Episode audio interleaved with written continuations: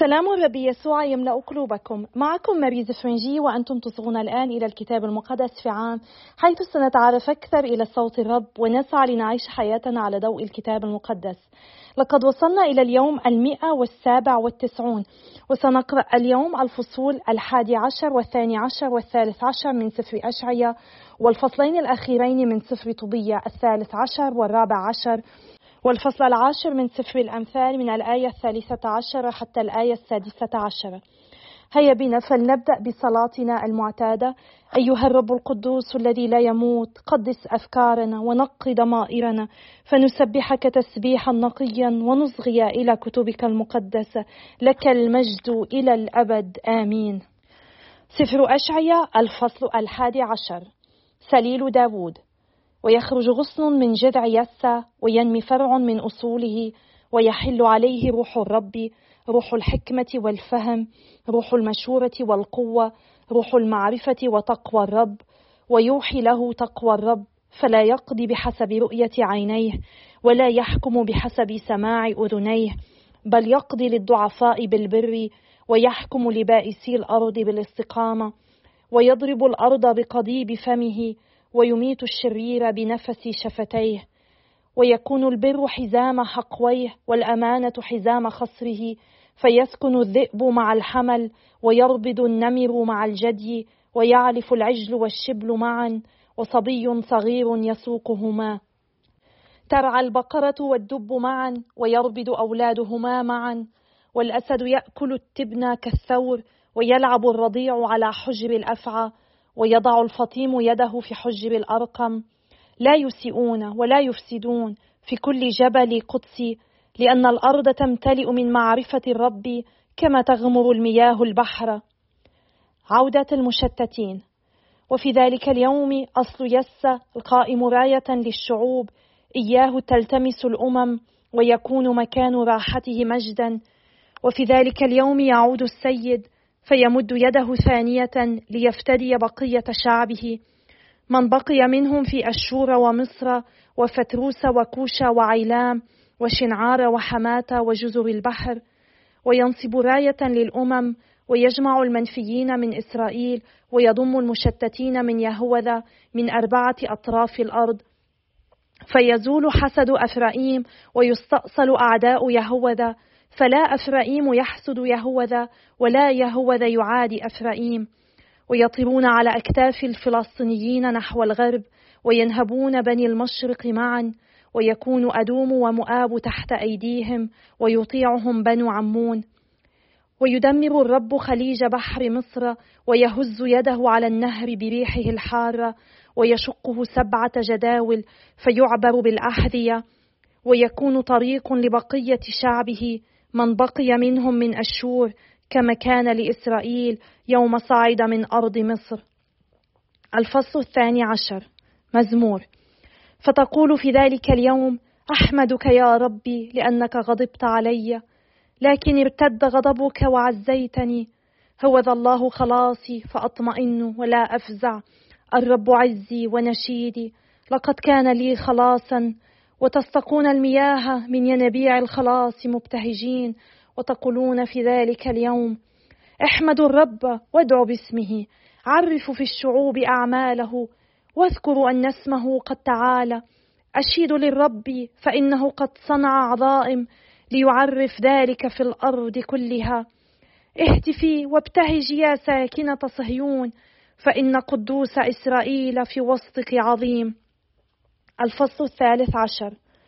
أقوال نبوية على الشعوب الغريبة. على بابل. قول على بابل رآه أشعيا بنو آموس. انصبوا راية على جبل أقرع. ارفعوا الصوت إليهم. هزوا أيديكم ليدخلوا من أبواب الأشراف. إني أمرت مقدسية ودعوت أبطالي لغضبي. ظافري المفتخرين. في الجبال صوت جمهور كصوت شعب عظيم. صوت جلبة ممالك الأمم المجتمعة ورب القوات يستعرض جيش القتال من أرض بعيدة من أقاصي السماوات يأتي الرب وأدوات سخطه لتدمير الأرض كلها. ولولوا فإن يوم الرب قريب قادم قدوم اجتياح من لدن القدير. فلذلك تسترخي كل يد ويذوب قلب كل إنسان فيفزعون ويأخذهم الطلق والمخاض. ويتضورون كالتي تلد وينظرون بعضهم إلى بعض مبهوتين ووجوههم مثل اللهيب. هو ذا يوم الرب قد حضر قاسيا يوم سخط واضطرام غضب ليجعل الأرض خرابا ويبيد خطأتها منها. لأن كواكب السماء ونجومها لا تبعث نورها والشمس تظلم في طلوعها والقمر لا يضيء بنوره. وأعاقب الدنيا بشرها والأشرار بآثامهم واردع صلف المتكبرين وأحط تجبر الطغاة. أجعل الإنسان أندر من الإبريز والبشر أندر من ذهب أوفير. لذلك سأزعزع السماء وتتزلزل الأرض عن مقرها في سخط رب القوات. وفي يوم اضطرام غضبه فيكون الإنسان كالظبي المطارد وكغنم ليس لها من يجمعها. فكل واحد يتوجه إلى شعبه ويهرب إلى أرضه. وكل من صودف طعن وكل من أخذ سقط بالسيف وأطفالهم يسحقون بمرأ منهم وبيوتهم تنهب ونساؤهم تغتصب ها أنا ذا أثير عليهم الميديين الذين لا يبالون بالفضة ولا يهوون الذهب. قصيهم تسحق الصبيان ولا يرحمون ثمرة البطن ولا تشفق عيونهم على البنين. فبابل زينة الممالك وبهاء فخر الكلدانيين. تصير كسدوم وعمورة اللتين قلبهما الله. فلا تسكن أبدا ولا تعمر إلى جيل فجيل. ولا يضرب أعربي فيها خيمة ولا يربد هناك رعاة. بل وحوش القفر تربد هناك والبوم يملأ بيوتهم وبنات النعام تأوي هناك. والتيوس ترقص هناك والضبع تعوي في قصورها وبنات آوى في هياكل نعيمها. أجلها قريب وأيامها لا تطول. سفر طبية الفصل الثالث عشر. فرح أورشليم القريب. وقال طبيت مبارك الله الذي يحيا للأبد ومبارك ملكه. لأنه يؤدب ويرحم ينزل إلى الجحيم إلى أسافل الأرض. ويصعد من الهلاك الجسيم. فما من أحد يفلت من يده. سبحوه أمام الأمم يا بني إسرائيل. فهو الذي شتتنا بينهم وهناك أرانا عظمته. أشيد به أمام كل حي. فهو ربنا وهو إلهنا وهو أبونا وهو الإله أبد الدهور. يؤدبكم بسبب آثامكم ولكنه يرحمكم جميعا. ويجمعكم من بين جميع الأمم حيث تشتتتم فيما بينها. حين ترجعون إليه من كل قلوبكم ومن كل نفوسكم لتعملوا بالحق أمامه عندئذ يرجع إليكم ولا يعود يحجب وجهه عنكم. والآن فاعتبروا ما صنع إليكم وسبحوه من كل أفواهكم. باركوا رب البر واشيد بملك الدهور. أما أنا ففي أرض الجلاء أسبحه وأخبر أمة الخاطئين بقوته وعظمته. ارجعوا أيها الخاطئون واعملوا البر أمامه. من يدري فلعله يرضى عنكم ويرأف بكم. أشيد بإلهي وتبتهج نفسي بملك السماء وليخبر بعظمته وليسبحوه في أورشليم. يا أورشليم المدينة المقدسة يؤدبك الله على أعمال أبنائك ولكنه سيرحم أيضا أبناء الأبرار. اشكري الرب شكرا صالحا وبارك ملك الدهور لكي يعاد فيك نصب خيمته في الفرح ويفرح فيك المجلوين ويحب فيك البائسين مدى الأجيال والدهور. نور ساطع يسطع إلى أقاصي الأرض أمم كثيرة يأتون من بعيد من جميع أقاصي الأرض ويسكنون بالقرب من اسم الرب الإله القدوس وفي أيديهم هدايا لملك السماء. أجيال أجيال فيك يبتهجون واسم المختارة يدوم للأبد. ملعونون جميع الذين يفهون بكلام قاس ملعونون جميع الذين يدمرونك ويدكون أسوارك؟ جميع الذين يقودون أبراجك ويحرقون منازلك. ومباركون للأبد جميع الذين يبنونك. حينئذ اذهبي فابتهجي بأبناء الأبرار لأنهم جميعا يحتشدون ويباركون رب الدهور. طوبى للذين يحبونك وطوبى للذين يفرحون بسلامك. طوبى لجميع الناس الذين يحزنون عليك لجميع عقوباتك لأنهم سيفرحون بك ويشاهدون فرحك كله للأبد. تبارك نفسي الرب الملك العظيم لأن أورشليم سيعاد بناؤها وبيته لدهر الدهور. طوبى لي إن بقي من ذريتي من يرى مجدك ويسبح ملك السماء. ستبنى أبواب أورشليم من الياقوت والزمرد وجميع أسوارك من الحجر الكريم.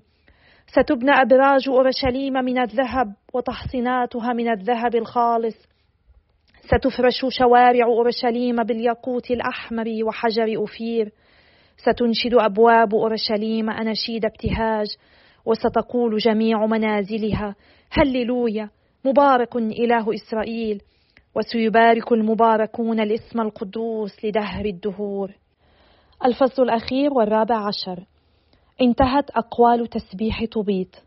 خراب نينوى ومات طوبيت بسلام عن مائة واثنتي عشرة سنة فدفن بإكرام في نينوى. وكان ابن اثنتين وستين سنة حين فقدت عيناه البصر. وبعد أن استعاد البصر عاش في البحبوحة وصنع الصدقات وما زال يبارك الله ويسبح عظمته. ولما أشرف على الموت دعا طبي ابنه وأوصاه قائلا يا بني خذ أولادك وأسرع إلى ميديا. فإني أؤمن بكلمة الله التي قالها نحوم في نينوى من أن كل شيء سيكون ويحدث في شأن أشور ونينوى وكل ما قاله أنبياء إسرائيل الذين أرسلهم الله كل ذلك سيحدث. ولن يحذف شيء من جميع أقوالهم بل تتم كلها في أوانها وسيكون أمان في ميديا أكثر مما في بلاد أشور وبابل. ولذلك فأنا أعلم وأؤمن بأن كل ما قاله الله سيتم ويكون ولن تسقط كلمة من النبوءات. فإخوتنا الساكنون في أرض إسرائيل سيحصون جميعا ويجلون عن الأرض الطيبة وستصبح أرض إسرائيل كلها قفرا وستصبح السامرة وأورشليم قفرا وسيحزن بيت الرب ويحرق إلى حين. ثم يرحمهم الله ثانية فيعيدهم إلى أرض إسرائيل ويبنون بيته ثانية. ولكن لا كالأول إلى الوقت الذي تتم فيه الأزمنة المحددة. وبعد ذلك يعودون جميعا من جلائهم ويبنون أورشليم بناء فخما. وفيها يعاد بناء بيت الله كما أنبأ به أنبياء إسرائيل. وجميع الأمم التي على الأرض تتوب كلها وتتقي الله حقا وتعرض عن جميع أصنامها الكاذبة التي تضلها في ضلالها وتبارك اله الدهور بالبر. جميع بني إسرائيل الذين ينالون الخلاص في تلك الأيام لأنهم يذكرون الله بالحق يجتمعون ويأتون إلى أورشليم ويسكنون للأبد في أرض إبراهيم بأمان فيعطون إياها. ويفرح الذين يحبون الله بالحق. وأما الذين يرتكبون الخطيئة والإثم فإنهم يزلون عن الأرض كلها. والآن يا أبنائي فإليكم وصاياي اعملوا لله بالحق واصنعوا ما يروق في عينيه. وليعرض على أولادكم عمل البر والصدقة. وليذكروا الله ويبارك اسمه في كل حين بالحق وفي كل قوتهم. والآن يا بني فاخرج من نينوى لا تقم هنا. وأي يوم تدفن أمك إلى جانبي ففي ذلك اليوم لا تبت في هذه البلاد. فإني أرى أن فيها اثما كثيرا وأن خداعا كثيرا يرتكب فيها ولا يخجلون. انظر يا بني كل ما صنعه نداب إلى أخي كار أبيه الذي رباه. ألم يكن مضطرا إلى النزول حيا إلى بطن الأرض؟ لكن الله رد التشنيع على وجه فاعله فخرج أحيكار إلى النور ودخل نداب في الظلام الأبدي لأنه حاول قتل أحيكار. وبالتصدق أفلت أحيكار من الفخ القاتل الذي نصبه له نداب ووقع نداب في الفخ القاتل الذي أهلكه. والآن يا أبنائي انظروا ماذا تصنع الصدقة وماذا يفعل الإثم إنه يقتل. ولكن إن نفسي تخرج. ووضعوه على الفراش فمات ودفن بإكرام. ولما ماتت أم طوبيا دفنها إلى جانب أبيه ثم انصرف هو وامرأته وأولاده إلى ميديا وأقام في أحمتا عند حميه رعوئيل وأكرم شيخوخة حمويه ودفنهما في أحمتا ميديا وورث أموالهما بعد أن ورث أموال طوبيت أبيه. ومات مكرما عن مائة وسبع عشرة سنة وسمع قبل موته بخراب نينوى. ورأى المجلوين منقادين إلى ميديا. أولئك الذين جلاهم أوفخشترا ملك ميديا. فبارك الله لكل ما صنعه في بني نينوى وأشور وفرح قبل موته بمصير نينوى وبارك الرب الإله لدهر الدهور. آمين. سفر الأمثال الفصل العاشر من الآية الثالثة عشر حتى الآية السادسة عشرة في فم الفطن توجد الحكمة والعصا على ظهر فاقد الرشد. الحكماء يكنزون العلم وفم الغبي دمار قريب. مال الغني مدينة عزته وفقر المساكين دمارهم. عمل البار للحياة وغلة الشرير للخطيئة. أيها الآب القدوس إننا نسبحك ونمجدك ونشكرك يا رب على هذه الفرصة التي تعطينا إياها بأن نأتي ونصغي إليك يا رب أن نصغي إلى حكمتك. أن نصغي إلى دعوتك لكل واحد منا كي نعود إليك. يا رب نطلب منك النعمة كي تؤهلنا لنخدمك بكل أمانة. ادعنا يا رب إلى وليمتك. واجعلنا هياكل مقدسة تليق بك يا رب. ثبتنا على حكمتك فنسير دائما في سبيلك ونحفظ وصاياك ونجد الرحمة والحنان جميع أيام حياتنا. نحن نسبحك ونقدم لك شكرنا يا رب لأن لك يليق المجد والتسبيح والإكرام. باسم يسوع نصلي. آمين. بسم الآب والابن والروح القدس الإله الواحد. آمين. فيما نستمر في قراءتنا من سفر النبي أشعيا علينا أن نتذكر أن النبي أشعيا كان نبيا للمملكة الجنوب لمملكة يهوذا وهو قد تكلم بضعة مرات مع مملكة الشمال مملكة إسرائيل قبل أن يدمرها الأشوريون. وكتاب أشعيا هو قبل وخلال السبي إلى بابل. وفي الفصول الثانية عشر الأولى رأينا أن الكلام كان موجه ضد المملكة الجنوبية وبنسبة أقل ضد المملكة الشمالية بينما الفصل الثالث عشر هو رسالة من الله عن بابل. كانت بابل قد صارت قبل ذلك قوة عالمية وهددت يهوذا وتكلم أشعيا عن تدميرها.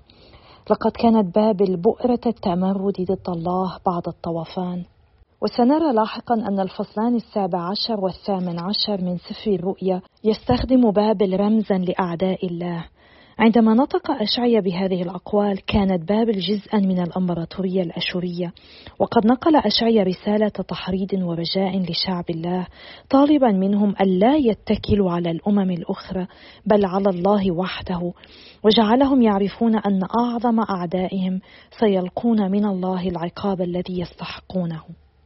نحن نتذكر من قراءتنا لسفر الملوك الثاني وسفر الأخبار الثاني أن النبي أشعيا كان موجودا في زمن ملك الملك حزقيا الذي لجأ إلى الرب ليخلصه من الأشوريين عندما ذهب إلى الهيكل وسأل الله أن يخلصه. وكما نتذكر خلصه الله خلص يهوذا في وقتها ولكنه فيما بعد سيسمح للنفي إلى بابل بأن يحدث. البعض يقسم كتاب أشعياء إلى قسمين. الفصول التسعة والثلاثون الأولى تعتبر رسالة دينونة على الخطيئة. هذا القسم الأول الذي يحتوي على تحذيرات وأحكام مريرة جعلت بعض الأشخاص يعتبرون هذا القسم كتاب ويلات أو كتاب دينونة. بينما الفصول السبعة والعشرون في القسم الثاني من أشعية هي رسالة غفران وتعزية ورجاء. ورسالة الرجاء هذه تتطلع إلى الأمام إلى مجيء المسيح أنا قد أخبرتكم ذلك الآن لكي تدركوا أنه في الأيام المقبلة نحن سنستمر في قراءة هذا القسم من سفر أشعية الذي يعتبر كتاب ويلات أو كتاب دينونة. لذلك سنسمع الكثير من الترداد عن العودة إلى الرب والتوبة والخبر السار هو أنه حتى عندما نقرأ كتاب الدينونة هناك تعزية. إن أشعيا يدعو الناس إلى التوبة ويحذرهم مما سيحدث إذا رفضوا. وفي نفس الوقت يقدم لهم كلمات تعزية قائلا لهم إنه على الرغم من أن الرب سيعاقبهم على خطاياهم هو لن يتخلى عنهم وهم سيعودون. نقرأ في بداية الفصل الحادي عشر. ويفرخ برعم من جذع يسى وينبت غصن من جذوره ستكون أشور مثل شجرة قطعت في أوج قوتها ولن تقوم لها قائمة مرة أخرى. أما يهوذا نسل داوود الملكي فستكون كالشجرة شربت حتى الجذع ولكن سينبت غصن جديد المسيح وسيكون أقوى من الشجرة الأصلية وسيعطي ثمرا أكثر. يس هو والد داوود والمسيح هو تحقيق وعد الله بأن نسل داوود سيملك إلى الأبد لأن المسيح سيأتي من نسله.